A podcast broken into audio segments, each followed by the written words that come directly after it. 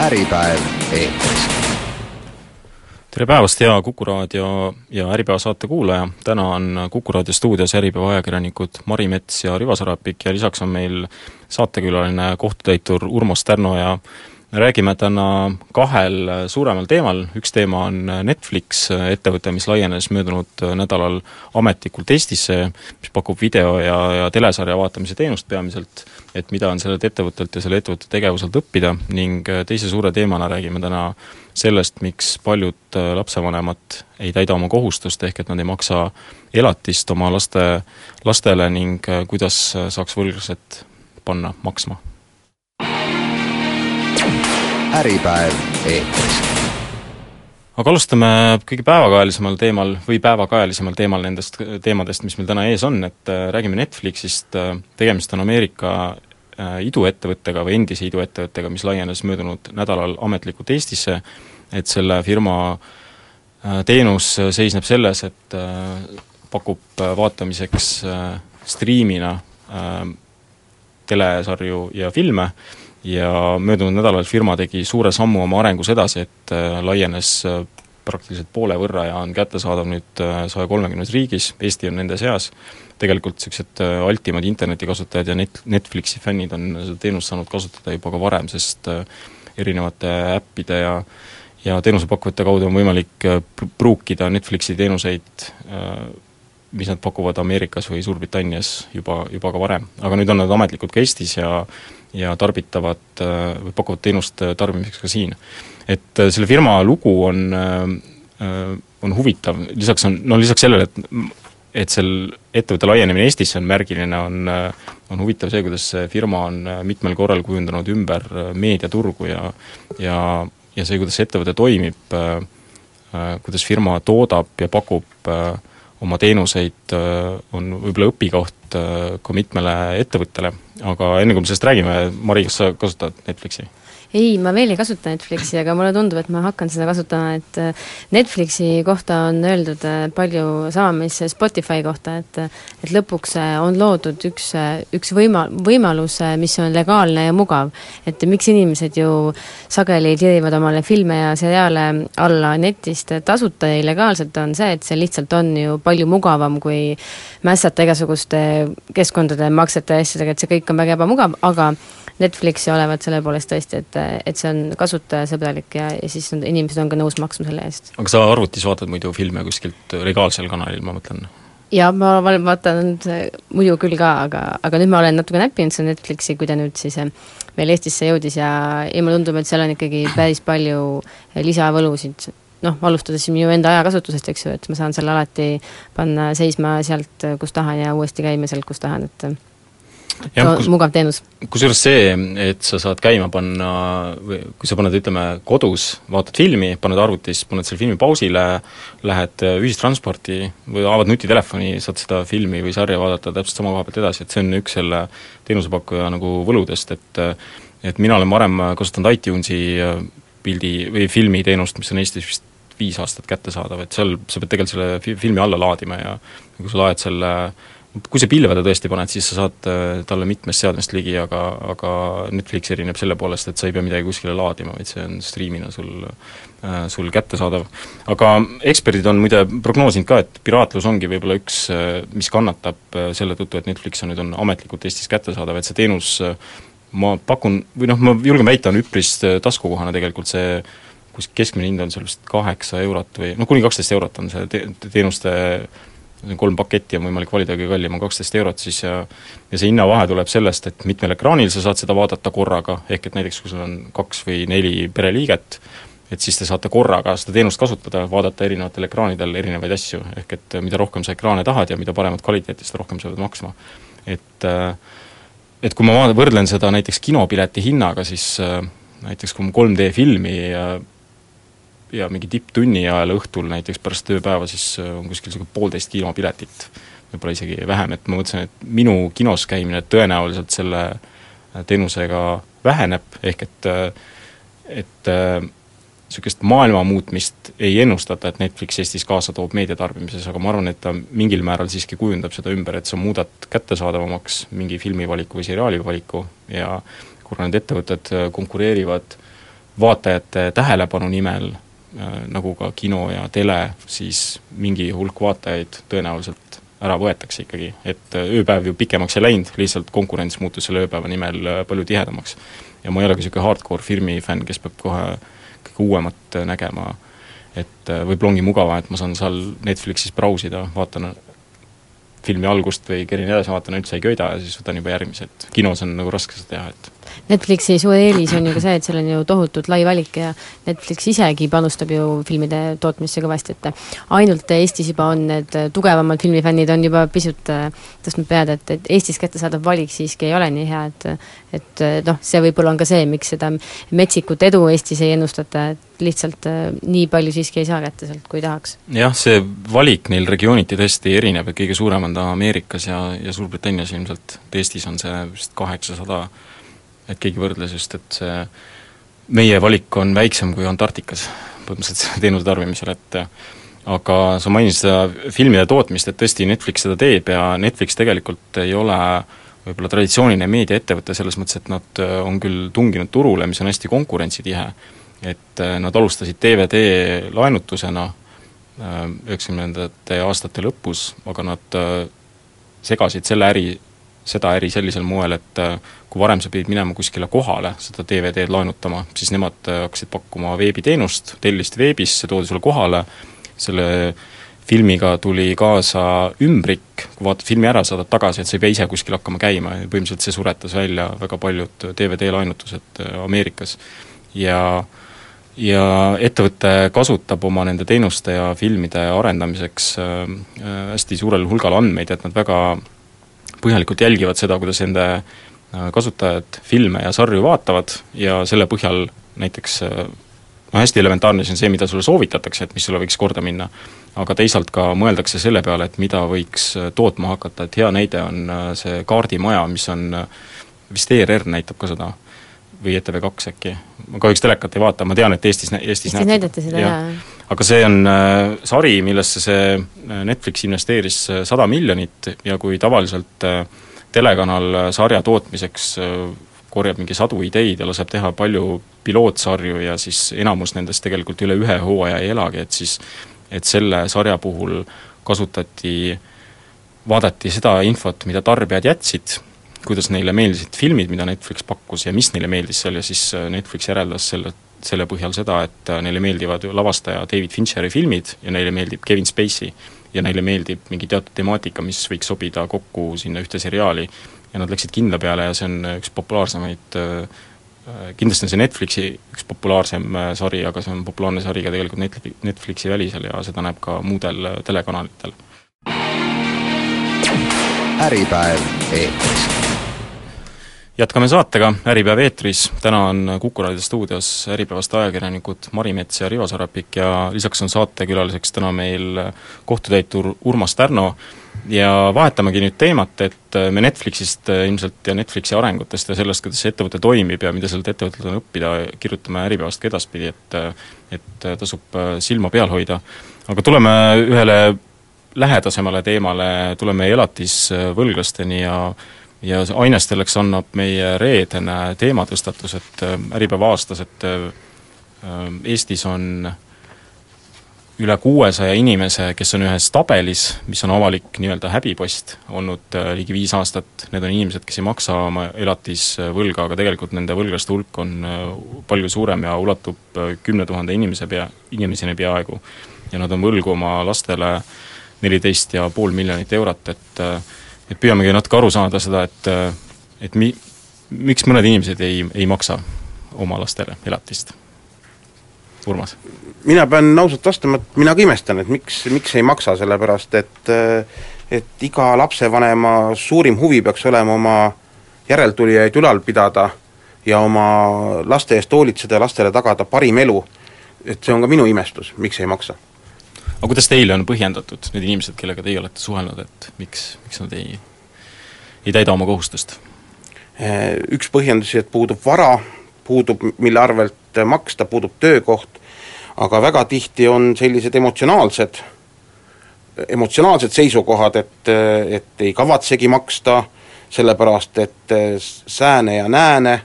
ja sellepärast ei tahagi maksta, aga need ei ole nagu, need ei ole kuidagi argumendid, mis alusel mitte pidada oma lapsi ülal. okei okay kas on ka mõni selline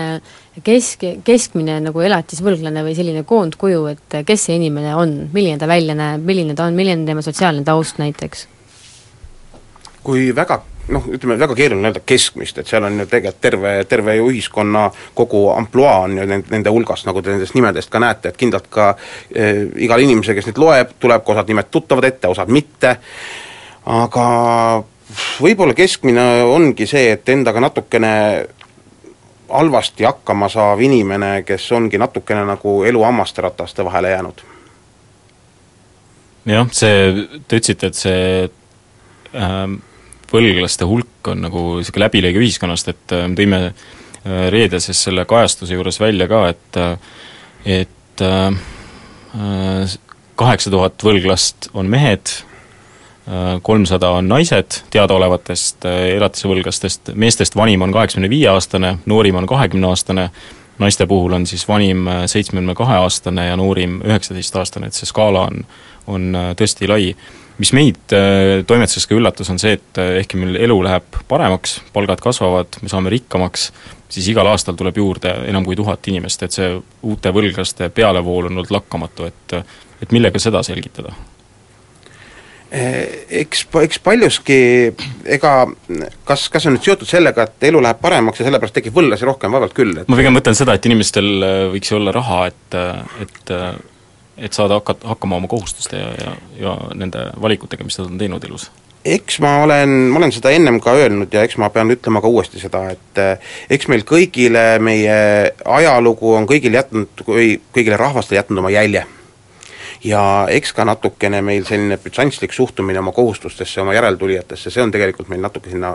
ajalooline jälg meil kahjuks küll, et, et eh, nagu näha, et et las see mõisaköis lohiseb ja ega ma ka oma ülal, oma järeltulijaid ei pea ülal pidama, et, et küll nad ise hakkama saavad. et see ei ole ju, tegelikult ei ole see mõistlik, aga niimoodi see tänane suhtumine on ja me peame seda, pigem seda ühiskondlikku suhtumist ka sellesse võlgu olemisse muuta, ei saa olla arvamusliider inimene, kes on ise oma järeltulijaid ülal ei pea, oma elastusrahakohustusi ei täida aga need inimesed, kes on sinna avalikku häbiposti pandud, et seal on äh, ligi kaheksa tuhandest teadaolevast võlglasest vaid kuussada, et see on ju tõesti jäämäe tipp, et et need kuussada, kes on avalikus häbipostis, et kuidas see neile mõjunud on, et nad sinna listi on pandud, kas mõni on hakanud maksma, kas sellel on üldse mingi efekt olnud? olen kokku puutunud, on ka, on ka neid olnud, kes on maksma hakanud, kuid ei saaks öelda, et see on valdav.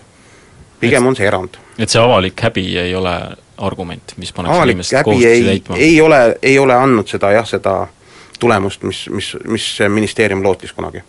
me, kui me selle nimekirja reedel avaldasime, siis toimetus sai üpris palju reaktsioone ja, ja eile ja vist isegi tänagi veel. ja hästi elav liiklus hakkas toimuma sotsiaalmeedias, et Facebookis levitati seda infot väga, väga võimsalt, et see lõi igasuguseid rekordeid, mis meil äh, olid, et ja, ja kui me vaatame seda tabelit, mis on Kohtutäiturite Koja kodulehel Äh, avalikult äh, ligipääsetav, siis seal on näha ka, et on tehtud märkuseid või uuendusi inimeste kohta, et sinna on lisatud mingeid inimesi ja mõne inimese summa on võib-olla muutunud, et et mis, mis selle tabeli ilmumise järgi või selle loo ilmumise järgi hakkas, hakkas midagi toimuma? mina pean nüüd ausalt ütlema, et mina nagu sellist, ei ole küll täheldanud sellist aktiivset liiklust, liiklust, nagu teie praegu ütlete, et jah, kahjuks ei ole ka selline väga sellise, sellise meedia kasutaja, aga mm, ilmselgelt on üks osa, kes, kes reageeris, on ka sissenõudjad, ehk need elatise saajad on, kes reageerisid, et samal, et ka tegelikult ju seal kajastatakse ju võlgnevust, ehk et see, mis on selleks hetkeks sissenõutavaks muutunud. et sealt ka kindlalt need muutused, võib-olla ka teistpidi, kus on ka vahepeal elatisraha kätte saadud ja sissenõudja ka teavitab sellest, et on, et on elatisraha makstud. Need muutused on reaalsed nüüd äh, esimesest äh, märtsist äh, hakatakse lisaks sellele avalikule häbipostile, mis esimesest märtsist läheb peitu, hakatakse lõpuks kasutama ka nii-öelda sanktsioone või selliseid reaalseid piiranguid elatisvõlglastele. et lõpuks hakkab kehtima see kauaoodatud juhiloa, juhiloa piiramise võimalus ja hakatakse ka elatisvõlglastelt hakatakse piirama nende võimalusi käia jahil ja omada paadijuhtimisluba ja muid selliseid hüvesid, et äh, kuidas teile tundub, ähm, kui efektiivsed võiksid olla need sellised meetmed? Seaduseelnõus on kirjas, et, et peaks puudutama see autojuhiluba kõikse rohkem inimesi, see peaks olema kuskil umbes viitekümmet protsenti elatisraha võlgnikest peaks puudutama see autojuhiluba kui selline et äh, kindlalt vähem, vähemal määral äh, relvaluba, jahiluba, äh, kalastusõigus, aga neid õigusi saab jah, saab alates esimene märts piirata sissenõudja peab selleks avaldama soovi kohtutäiturile ja kohus saab seda teha, et see automaatselt ei toimu. Mingi, kindlalt mingi tulem sellest on, aga kas, kas see sellist efekti see annab, jään täna vastuse võlgu, analüüsi ju selle kohta ei ole ja ei tea seda aga mis oleks efektiivne, mis te, teie kogemus näitab, et mis, mis, mis aitaks, et kui häbi ei aita ja, ja võib-olla ka kindlalt, kindlalt mis asi aitaks, aitab, aitab pikemas perspektiivis, aitab äh, ühiskondlik suhtumise muutus, et me peame nagu aru saama, et oma järeltulijaid tuleb ülal pidada, midagi teha ei ole. Et äh, mis, mis asi on aidanud, Soomes aitas väga tugevalt, aitas see, kui kohtutäituritele anti võimalus tutvuda äh, arveldusarvetega, ehk reaalajas näha, mis toimub arveldusarvetel ja mis on toimunud arveldusarvetel. see, Soomes oli pikk diskussioon sel teemal, oli ka arutelusid, kas see on põhiseaduspärane, mitte, Soomes lõpuks jõuti seisukohale, et, et kaaluvad ikkagi, sissenõudjate õigused kaaluvad need üles, pangasaladuse, ja seal see rakendati ja see andis päris head efekti Soomes. meil seda võimalust ei ole. see põhimõtteliselt tähendab seda, et sul ähm, kui su ametlik sissetulek on väike, kust ei ole võib-olla kinni pidada midagi, aga sa näiteks teed mustalt tööd ja see käib läbi panga ja maksad pangalaenu tagasi, et siis see on, on nähtav, et kogu su sissetulek on nähtav? sellised asjad on nähtavad ja on ka ajalugu nähtav, kui et, et äh, kui võlgnikul kaob peale elatisraha äh, nõude tekkimist, kaob ära ka sissetulek, siis ka see on nähtav. no kuidas muuta seda ühiskondlikku suhtumist, et, et kust, mis, mis nuppe peaks vajutama? Oi, selles osas jään, jään vastuse võlgu, mis nuppe peaks vajutama, et äh, et äh, seda näidet olen ka ennem toonud, et äh, kui meil tänasel päeval ühiskondlik arvamus küll teisel teemal, et, et purjus peaga autoga ei sõideta, siis kakskümmend aastat tagasi ei olnud see nii valdav seisukoht, et, et tänaseks päevaks ühiskondlik seisukoht on meil muutunud selles osas, et ikkagi enamus inimesi, enamus mõistlikke inimesi saab aru, et purjus peaga ei tohi autoga sõita. on jäänud kindlalt mingi osa inimesi, kes eiravad seda, aga ühiskondlik suhtumine selles osas on ilmselgelt muutunud okay.. aga olete te väikest muutust näinud vähemalt aastate jooksul selles elatise teemas ka, et natukenegi? no et eh, kogu see täitemenetlusega tsiviiltäitereform oli esimene märts kaks tuhat üks. sellest ajast saab mööda kohe viisteist aastat. kui sellel hetkel oli, suurim probleem oli see, et eh, riik andis kulusid, täitmise protsent oli väike, täideti vähe ja see oli ebaefektiivne. siis tänasel päeval selle viieteist aastaga on nii palju muutunud, et see täitemenetlus on muutunud oluliselt efektiivsemaks, kahjuks küll tihti täitemenetlustes nimed korduvad, ehk et, et sama, sama inimene käib ühest, teisest ja ka kahekümne kuuendast täitemenetlusest läbi. kaks nädalat tagasi tutvusin võlgnik, võlgniku andmetega, kellel oli viissada viis täiteasja menetluses kokku, Tallinna täituritel et, et need nimed jah, korduvad, aga täitemenetlus on läinud efektiivsemaks ja enam ei ole ka riigieelarvest, ei kaeta täitemenetluse kulusid ja tegelikult võlgnikud katavad need kulud ise. äripäev eetris jätkame saatega Äripäev eetris, täna on Kuku raadio stuudios Äripäevast ajakirjanikud Mari Mets ja Rivo Sarapik ja lisaks on meil külalisena kohtutäitur Urmas Tärno ja räägime täna elatisvõlglastest ja ja ainest selleks annab meie möödunud reedene lugu ja teemakajastus, kus me tõime välja, et Eestis on kuussada kolmkümmend viis inimest on äh, avalikus nimekirjas, nii-öelda avalikus häbipostis, kes äh, ei pea üleval oma lapsi, aga tegelikult elatisvõlglasi ulatub äh, kümne tuhandeni, kes on siis kõik kokku jätnud täitmata kohust, jätnud neljateist poole miljoni euro eest oma kohustused täitmata ja ja üks äh, idee, kuidas riik tahaks aidata neid üksikvanemaid, kes äh, äh, kes ei saa oma teiselt lapsevanemalt elatisraha kätte, on elatisabifond. sisuliselt tähendaks see seda, et riik maksaks kuussada eurot ühe lapse eest ja võtaks selle võla väljanõudmisi siis enda õlule sellelt üksik, üksikvanemalt, et et kuidas teie näete, kas see idee või see fond töötaks ja aitaks tõesti? no fondi eesmärk on ju kindlalt ju aidata, aidata neid elatise saajaid. ehk et see, see raha on ette nähtud nendes asjades, kus kohas on kohtuotsus, ehk see täitedokument olemas. et nemad saavad seda, on plaani järgi hakata neile seda, tõesti seda raha maksma. et see kindlalt aitab lapsi, aitab, keda on vaja ülal pidada, aga täiturite poole pealt see suurt vahet ei ole, et kas see sissenõudja on on äh, ema, isa, vanaema, vanaisa või riik, et sellel nagu oma olemuslikult vahet ei ole, et täpselt samasugune menetlus käib ikka samasugune edasi. jah aga sotsiaalminister Margus Tsahkna oli ähm, selle fondi suhtes selles mõttes ikkagi lootusrikas, et tema leidis, et olla riigile võlgu on selle võlglase jaoks ikkagi palju ebamugavam, eba, ebameeldivam, kui olla võlgu sellele ühele üksikemale tegelikult, kellel pole väga palju võimalusi temalt raha välja nõuda. et tema leidis, et riigil siiski, siiski on rohkem võimalusi raha kätte saada, et kuidas teile tundub, et mis on lootus hakata kätte saama võlglastelt, kas see on suurem kui hetkel või mitte? Ma nüüd pean ausalt tunnistama, et ma täitsa ei saa nõustuda sellega, sest et täitemenetluses ei ole vahet, kes on sissenõudja, et, et ei ole vahet, kas ta on riik või on füüsiline isik, juriidiline isik, menetlus käib ikka samade reeglite alusel, täpselt samat korda rakendades, seal ei ole mitte mingit seaduse, seadusandja ei ole näinud mingeid erisusi ette, et kui on riik, siis on mingid teised võimalused, ei, seda ei ole. aga meie reedel läbipäevas ilmunud loos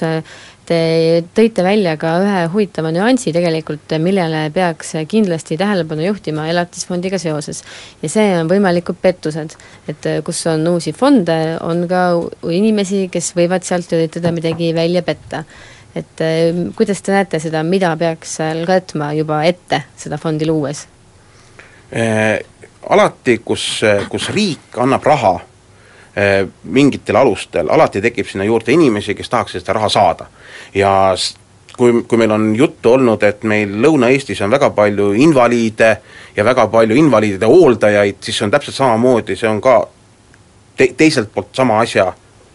asjaga seotud. ja seoses sellega ma ei oska nagu öelda, mida nagu ette vaadata, et tegelikult lõpuks seda abi peavad saama need, kelle abi on vaja. see on ju lõpuks sotsiaalabi eesmärk ongi ainult, ainult neile abi anda, kellel seda vaja on see, see avalik häbipost, äh, mille me ka oma äripäeva reedeses numbris avaldasime, läheb esimesest märtsist tegelikult luku taha. Et seni on äh, avalik elatisvõlglaste nimekiri rippunud üleval kohtutäiturite ja pankrotihaldurite koja koduleheküljel, kuid äh, siis äh, kevadest äh, pannakse see niimoodi peitu, et igaüks, kes äh, soovib näha sealt äh, mõnda kindlat elatisvõlglast, peab teadma selle võlglase isikukoodi ja logima keskkonda sisse oma ID-kaardiga. ja selle põhju-, põhjuseks on siis see, et, et see nimekiri rikub nendel võlglaste ja nende laste mitmeid põhiõigusi Äh, kuidas teile tundub, äh, kas on õigustatud see nimekiri panna peitu? Äh, selle, selle sisu, et ma nüüd väga veendunud ei ole, sest et siiamaani tegelikult seda rakendust ei ole, kuidas see asi toimuma hakkab. ja mm, selle, selle sisu on tegelikult, on ühtepidi selles, et kui tänasel päeval on tõesti need andmed reaalajas ei muutu, mis seal on koja leheküljel üleval, siis tuleviku esimese märtsist alates peaks olema tööversioon on selline, et tegelikult on näha jooksev võlgnevus, mis tähendab, et ta võtab otse meie tööbaasist, võtab need andmed ja see on nagu pigem on see ju täiustus, kus kohas on näha ka kõik need muutused, mis on toimunud jah, sest et seni oli niimoodi, et enne kui Äripäev selle nimekirja vastu huvi hakkas tundma, oli mõni nimi, mõne nime tagant ikkagi võlasumma väga pikka aega uuendamata, et see oli vist kahe tuhande üheksanda aasta andmeid isegi? seal oli jah, kahe tuhande üheksanda, kahe tuhande kümnenda aasta andmeid, et eh, kui meie võtsime kõikide kohtutäituritega ühendust ja palusime andmed üle vaadata, siis eh, väga mitmed tegelikult vastasid meile, tänasid, et me tähelepanu pöörasime ja ja kas kustutasid isegi mõne nime, panid mõne uue nime, uuendasid võlasummasid et seal toimus mitmeid muutusi alates sellest hetkest. No aga kohtutäitur tegelikult eh, jah, kohtutäitur paneb sinna, aga tegelikult selleks on nüüd selle sissenõudja avaldus. ehk et, et kui tekib siin uus nimi, siis seal tegelikult on see sooviavaldus on tulnud sissenõudjalt, mitte kohtutäiturilt endalt. Mm.. Üks, üks äh, asi veel, millele Margus Tsahkna osutas, oli see, et et üks asi on elatisfondi loomine ja, ja selle, selle võla riigile ülekandmine võla siis väljanõudmise kohustuslik ülekandmine, kuid ta märkis ka seda, et, et võlanõudjad tõepoolest ikkagi on kohtutäiturid, kuid enamasti kohtutäiturite jaoks ei ole elatisvõla nõudmine nende ülesannete pakis just esimese, esime-, esmase tähtsusega. ja tuleks motiveerida ka kohtutäitureid intensiivsemalt neid võlgu välja nõudma. kuidas teie kommenteerite sellist seisukohta? Ei, sellel, sellel ei ole vahet, et, et, et ei ole mitte mingit vahet, et mis nõudega on tegemist, täpselt samamoodi see menetlus käib ikkagi samade reeglite järgi, et seal ei ole mingit, mingit eh, oma olemuslikku vahet, aga aga mis on, et kui seadusandja on näinud ka ette mm, mõningaid, mõningaid rangeid meetmeid seoses eh, elatisraha nõuetega, ka võimaluse läbi otsida võlgnike elukohta, siis Riigikohus on eelmise aasta lõpus, on ühes oma lahendis, on ka tõstatanud küsimuse, et et kas on see jätkusuutlik, et, et selline olukord, kus riik paneb ülesandeid, aga riik ei finantseeri seda. et, et ilmselgelt on ka, kui jätta kogu see menetlus ainult kohtutäiturite finantseerida, siis pigem on, ei jätku vahendeid, et teostada neid läbiotsimisi sellisel määral, nagu riik on kunagi seadust luues ette näinud aga noh, teie käite nendelt võlgnikelt aktiivselt võlga sisse nõudmas, et eh, kui te küsite enda käest, et miks te ei maksa oma lastele, mida nad vastavad teile? no samad küsimused, et, et raha pole, eh, eelmine nädal kohtusin ühe võlgnikuga, kes, kes teatas, et alates sellest päevast, kui ta sai kohtutäituri käest eh, elatisraha nõudes täitmisteate, et ta nüüd hakkab saama oma töökohast, hakkab saada pool alampalka, sellepärast et tööandjal hakkas kohe nii halvasti minema, nii kui tema sai täitmisteate. mis tähendab, et see on ju ilmselge tahe vältida oma kohustuse täitmist. et seal ei ole nagu tegemist mitte see, et, et puuduvad vahendid. et see pahatahtlikkus või selline kättemaksu himu äh, paratamatult on sageli selle elatisvaidluse taga tegelikult, et alati ei olegi põhjuseks vaid see, et pole raha, mida maksta? kindlalt üks osa võib ka sellest olla, jah ma veel mainiksin tegelikult selle ka, et kui juhilube võib hakata piirama siis elatise võla maksmisest kõrvalehiilijatelt juba tänavu kevadest, siis elatisabifondi loomiseks tegelikult veel seadust vastu võetud ei ole. et see on küll läbi käinud valitsusest, kuid Margus Tsahkna väga loodab, et tema projekt saab hakata käivituma uuest aastast, siis kaks tuhat seitseteist esimesest jaanuarist, aga tegelikult seda fondi meil ei ole ja kuni pole vastu võetud seadust, on see veel tegelikult helge unistus. jah, ja tegelikult see fond on üks näide sellest, kuidas elatise äh, vaidlus ei ole mingi perekonna või kahe inimese vaheline niisugune siseasi, vaid sest see elatisabifondi äh, suuruse numbreid on, on samamoodi Margus Tsahkna käinud välja erinevaid, et äh, kuni viisteist miljonit eurot aastas võib see võtta, et tõsi, käivitamisel on see summa kaks korda väiksem, vist seitse koma kaks miljonit seitse koma kaks miljonit eurot ja see tegelikult ei olnud isegi mitte üheks aastaks ette nähtud summa, vaid riigieelarve perioodiks ette nähtud summa. et sellest peab tegelikult äh, jätkuma veel kauemaks. just, et see näitab seda, et kuidas äh, äh, perekondlik asi tegelikult on, on, on, on muutunud ka nagu meie kõigi, kõigi asjaks, et et tuleb teistel sellega tegeleda. äripäev eetris. jätkame saatega Äripäev eetris, täna on Kuku raadio stuudios Äripäeva ajakirjanikud Mari Mets ja Rivo Sarapik ja saatekülaliseks on meil täna kohtutäitur Urmas Tärno ja räägime sellisest probleemist nagu elatis ja elatisvõlg, et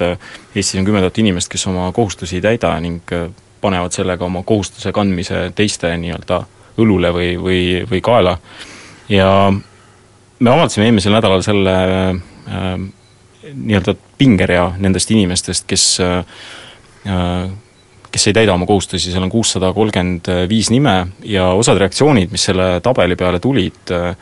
nii meil kui tegelikult ka teistes meediakanalites on, äh, viitasid sellele, et need nõuded on alusetud, tegemist on inimeste mingi kättemaksuga, et nõutakse inimestelt välja äh, midagi, milleks ei ole alust, et, et kuidas teie kommenteerite, et selliseid väiteid, ehk et, et need nimed, need inimesed, kes on seal tabelis, et nad on süütud niisugused kannatajad? Kõik kohtuotsused, mis on jõustunud, kõik on õiged kõik kohtuotsused, mis on jõustunud, on õiged ja mis tähendab seda, et nende nõuete aluseks on ju kohtuotsused kõik. Et kuidas nagu öelda, et on kättemaks või kuidas nagu öelda, et on, et ei, ei pea maksma, kõik see esmane on ju lapsed, tuleb ju lastest, hoolitseda, tuleb lapsi ülal pidada, ei ole seal need täiskasvanud inimeste omavahelised suhted või, või rikki läinud suhted ei ole ju olulised, olulised on lapsed. selge, kättemaks, aga noh, lapsed on olulised, aga tihtipeale ju jääb ikkagi lastele raha maksmata, sellepärast et et võetakse argumentideks mingid vanad kooseluaegsed tülid, et kui palju, kui sageli teile esitatakse argumendiks seda, et et ei, ma ei maksa raha just nimelt sellepärast, et ma ei taha sellele emale või sellele isale maksta, et ma kardan, et seda, ta võtab selle raha endale ja tegelikult lapsed seda ei saagi ja loomulikult ma pean tunnistama ausalt, et ma olen kuulnud ikkagi väga palju eh, peresisest eh, mustapesu pesemist oma töö jooksul, aga aga loomulikult neid, neid argumente on palju esitatud, aga ikkagi kordan uuesti üle nagu papagoi, kõik see olulisem on lapsed, laste ülalpidamine on palju olulisem kui täiskasvanud inimeste omavahelised suhted. jah, seda äh, infot avaldades tegelikult meil äh, üks küsimus, mida me arutasime omavahel ja mida me mõtlesime läbi, on see, et, et ühelt poolt on äh, seal teemas väga palju emotsiooni, et, et võib-olla need vaidlused ja lahkuminekud ongi olnud tüliga ja, ja ka see laste ülalpidamine käib nagu läbi tüli, et läbi kohtu ja nõutakse nagu neid summasid välja, aga et kas on, olete kohanud ka sellist suhtumist, et näiteks emotsioonid, ma ei tea, viie või mingi X aasta pärast nagu lahtuvad ja tegelikult inimesed vaatavad tagasi sellele ajale, kus nad jagelesid või või jõudsid kohtusse et see oli nagu naeruväärne?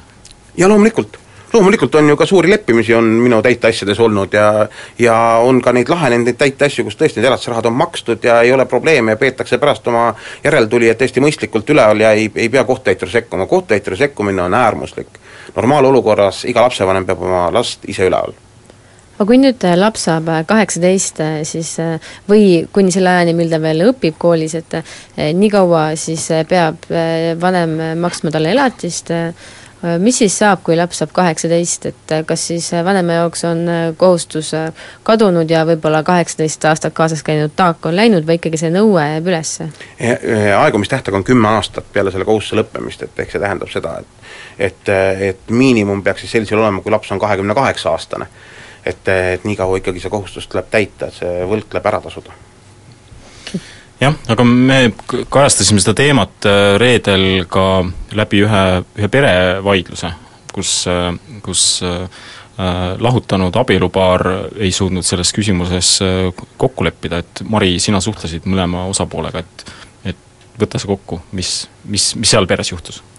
Äh, seal peres oli neli väikest last, aga ema-isa läksid lahku ja, ja ei suudetud tegelikult kokku leppida mitte milleski, et kõigepealt mindi kohtusse selleks, et et leppida kokku see, kui palju kumma vanema juures lapsed aega veedavad. saadi kokkuleppele, et lapsed siiski elavad emaga, sest et noh, see on mõeldamatu, et täna on mu kodu siin ja homme on seal, eks ju. lapsed elavad emaga, isaga veedavad kolmkümmend protsenti ajast Äh, siis algas äh, teine kohtuvaidlus selle üle, kui palju peaks isa maksma elatist emale, kes kasvatab üksi nelja last ja ja seal siis jõudis, äh, jõudis see vaidlus jällegi tõsiasjani, et isa, isa poolt makstavast elatissummast arvutatakse maha aeg, mille ta veedab koos lastega, ehk kolmkümmend protsenti. Äh, see kohtuvaidlus äh, kestis äh, kaks aastat, see jõudis Riigikohtusse, Riigikohus saatis selle tagasi ringkonnakohtusse, et see uuesti ümber vaataks teatud nüansid ja nüüd vahetult enne jõule siis tuli kohtuotsus, mille järgi siis peab maksma isa, kes teenib kuus üle kahe tuhande euro, ühe lapse kohta peab tema maksma sada kolmkümmend üks koma seitse eurot kuus elatist. See on siis elatismiinimum miinus kolmkümmend protsenti ajast, mille ta lastega vedab. Äh, lõpuks see, see naisterahvas, laste ema oli, oli selle summaga rahul, et kuigi ilmselgelt äh, see ei kata tegelikult ju poolt laste vajadustest, aga ta ütles, et see kohtulahing oli niivõrd alandav, niivõrd väsitav, et ta oli selle vältel juba hullumise äärel, et hea, et see lõpuks ometi läbi sai. jah, üks teema, mis sellest, äh, sellest juhtumist tõstatus, on see, et et üksikvanemale elatise väljanõudmine on enamasti niisugune konti murdev ülesanne, et kohtu äh, riigilõivud näiteks on vaja tasuda või ka siis näiteks puhtalt oma õigustest äh, teadlik olemine, et mulle tundub, et seda illust-, illustreerib natuke ka see, et seal äh, äh, nii-öelda häbipostis on vaid jäämäe tipp, et tegelikult neid võlglasi on kümme tuhat, et kui seal on kuussada peale inimest, et Urmas, kuidas teile tundub, et kas võla väljanõudmine on üksikvanemale täna sel, nendes küsimustes väga niisugune keeruline või, või, või raske? Eh, kindlalt mingile osale elanikkonnast on ju ikkagi kogu see juriidika on keeruline ja tundub kaugelt väga ohtlik olevat. aga midagi teha ei ole, lõpuks kannatavad lapsed, tuleb oma õigused maksma panna, tuleb oma elatisrahad sisse nõuda ja tuleb ka täitmisele need saata. aga kui ma lähen tagasi sama teema juurde, see, selle nelja lapse vaidluse üle, siis mul on nagu üks küsimus, et aga mida sellest vaidlusest lõpuks nagu võitsid selle aastate jooksul lapsed? kahjuks mitte midagi, lapsed ainult kaotasid selle vaidluse juures oli kõnekas ka see, et nii lapse ema kui isa on jõudnud äh, doktoriõppesse õigusteaduses ja siis äh, ema rääkiski oma loo selles võtmes, et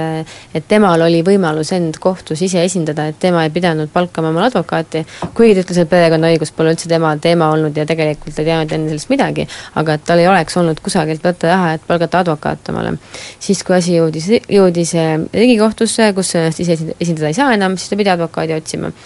ja ta ütles, et ka see oli tegelikult päris keeruline, et kuigi tal on ju tuttav advokaat, ta teab, kuidas see käib, oli tal kolmkümmend päeva aega seda teha, see aeg oli enne jõule, ükski advokaat nõus ei olnud, sest et kõigil olid jõulud ja puhkused, et see kadalipp, et üldse leida keegi, kes, kes sinu eest oleks nõus võitlema, on ikka tõeliselt jube. Jah, kas, see võitlus äh, oleks nagu levinum, kui äh, ütleme, teatud tingimustel, näiteks elatisvaidlustes äh, riigilõivu kohustust ja, ja näiteks ka võib-olla riigipoolset õigusabi kohustust kuidagi nagu muudetakse nendes küsimustes midagi, ehk et äh, see oleks äh, kättesaadavam rohkematele? no aga meil tänasel päeval on ju see riigi õigusabisüsteem on olemas tegelikult, et kohtusse pöörduda ja, ja taotledagi seda riigi õigusabi ja tegelikult riik annab selle abi, et see ongi riigi kohustus anda see abi inimestele, kes ei saa muud moodi oma asjadega hakkama, kes ei suuda maksta advokaadi eest, kes ei suuda maksta riigilõivu, sellepärast et puudub raha riigilõivu maksmiseks, see ei tähenda seda, et nad jäävad oma õigustest ilma, nad peavad oma õigused saama rakendada no sellele emale öeldi, et kui nüüd emal endal on diplom õigusteaduses, siis äh, talle seda advokaati ei anta riigi poolt, et tema peab ise hakkama saama.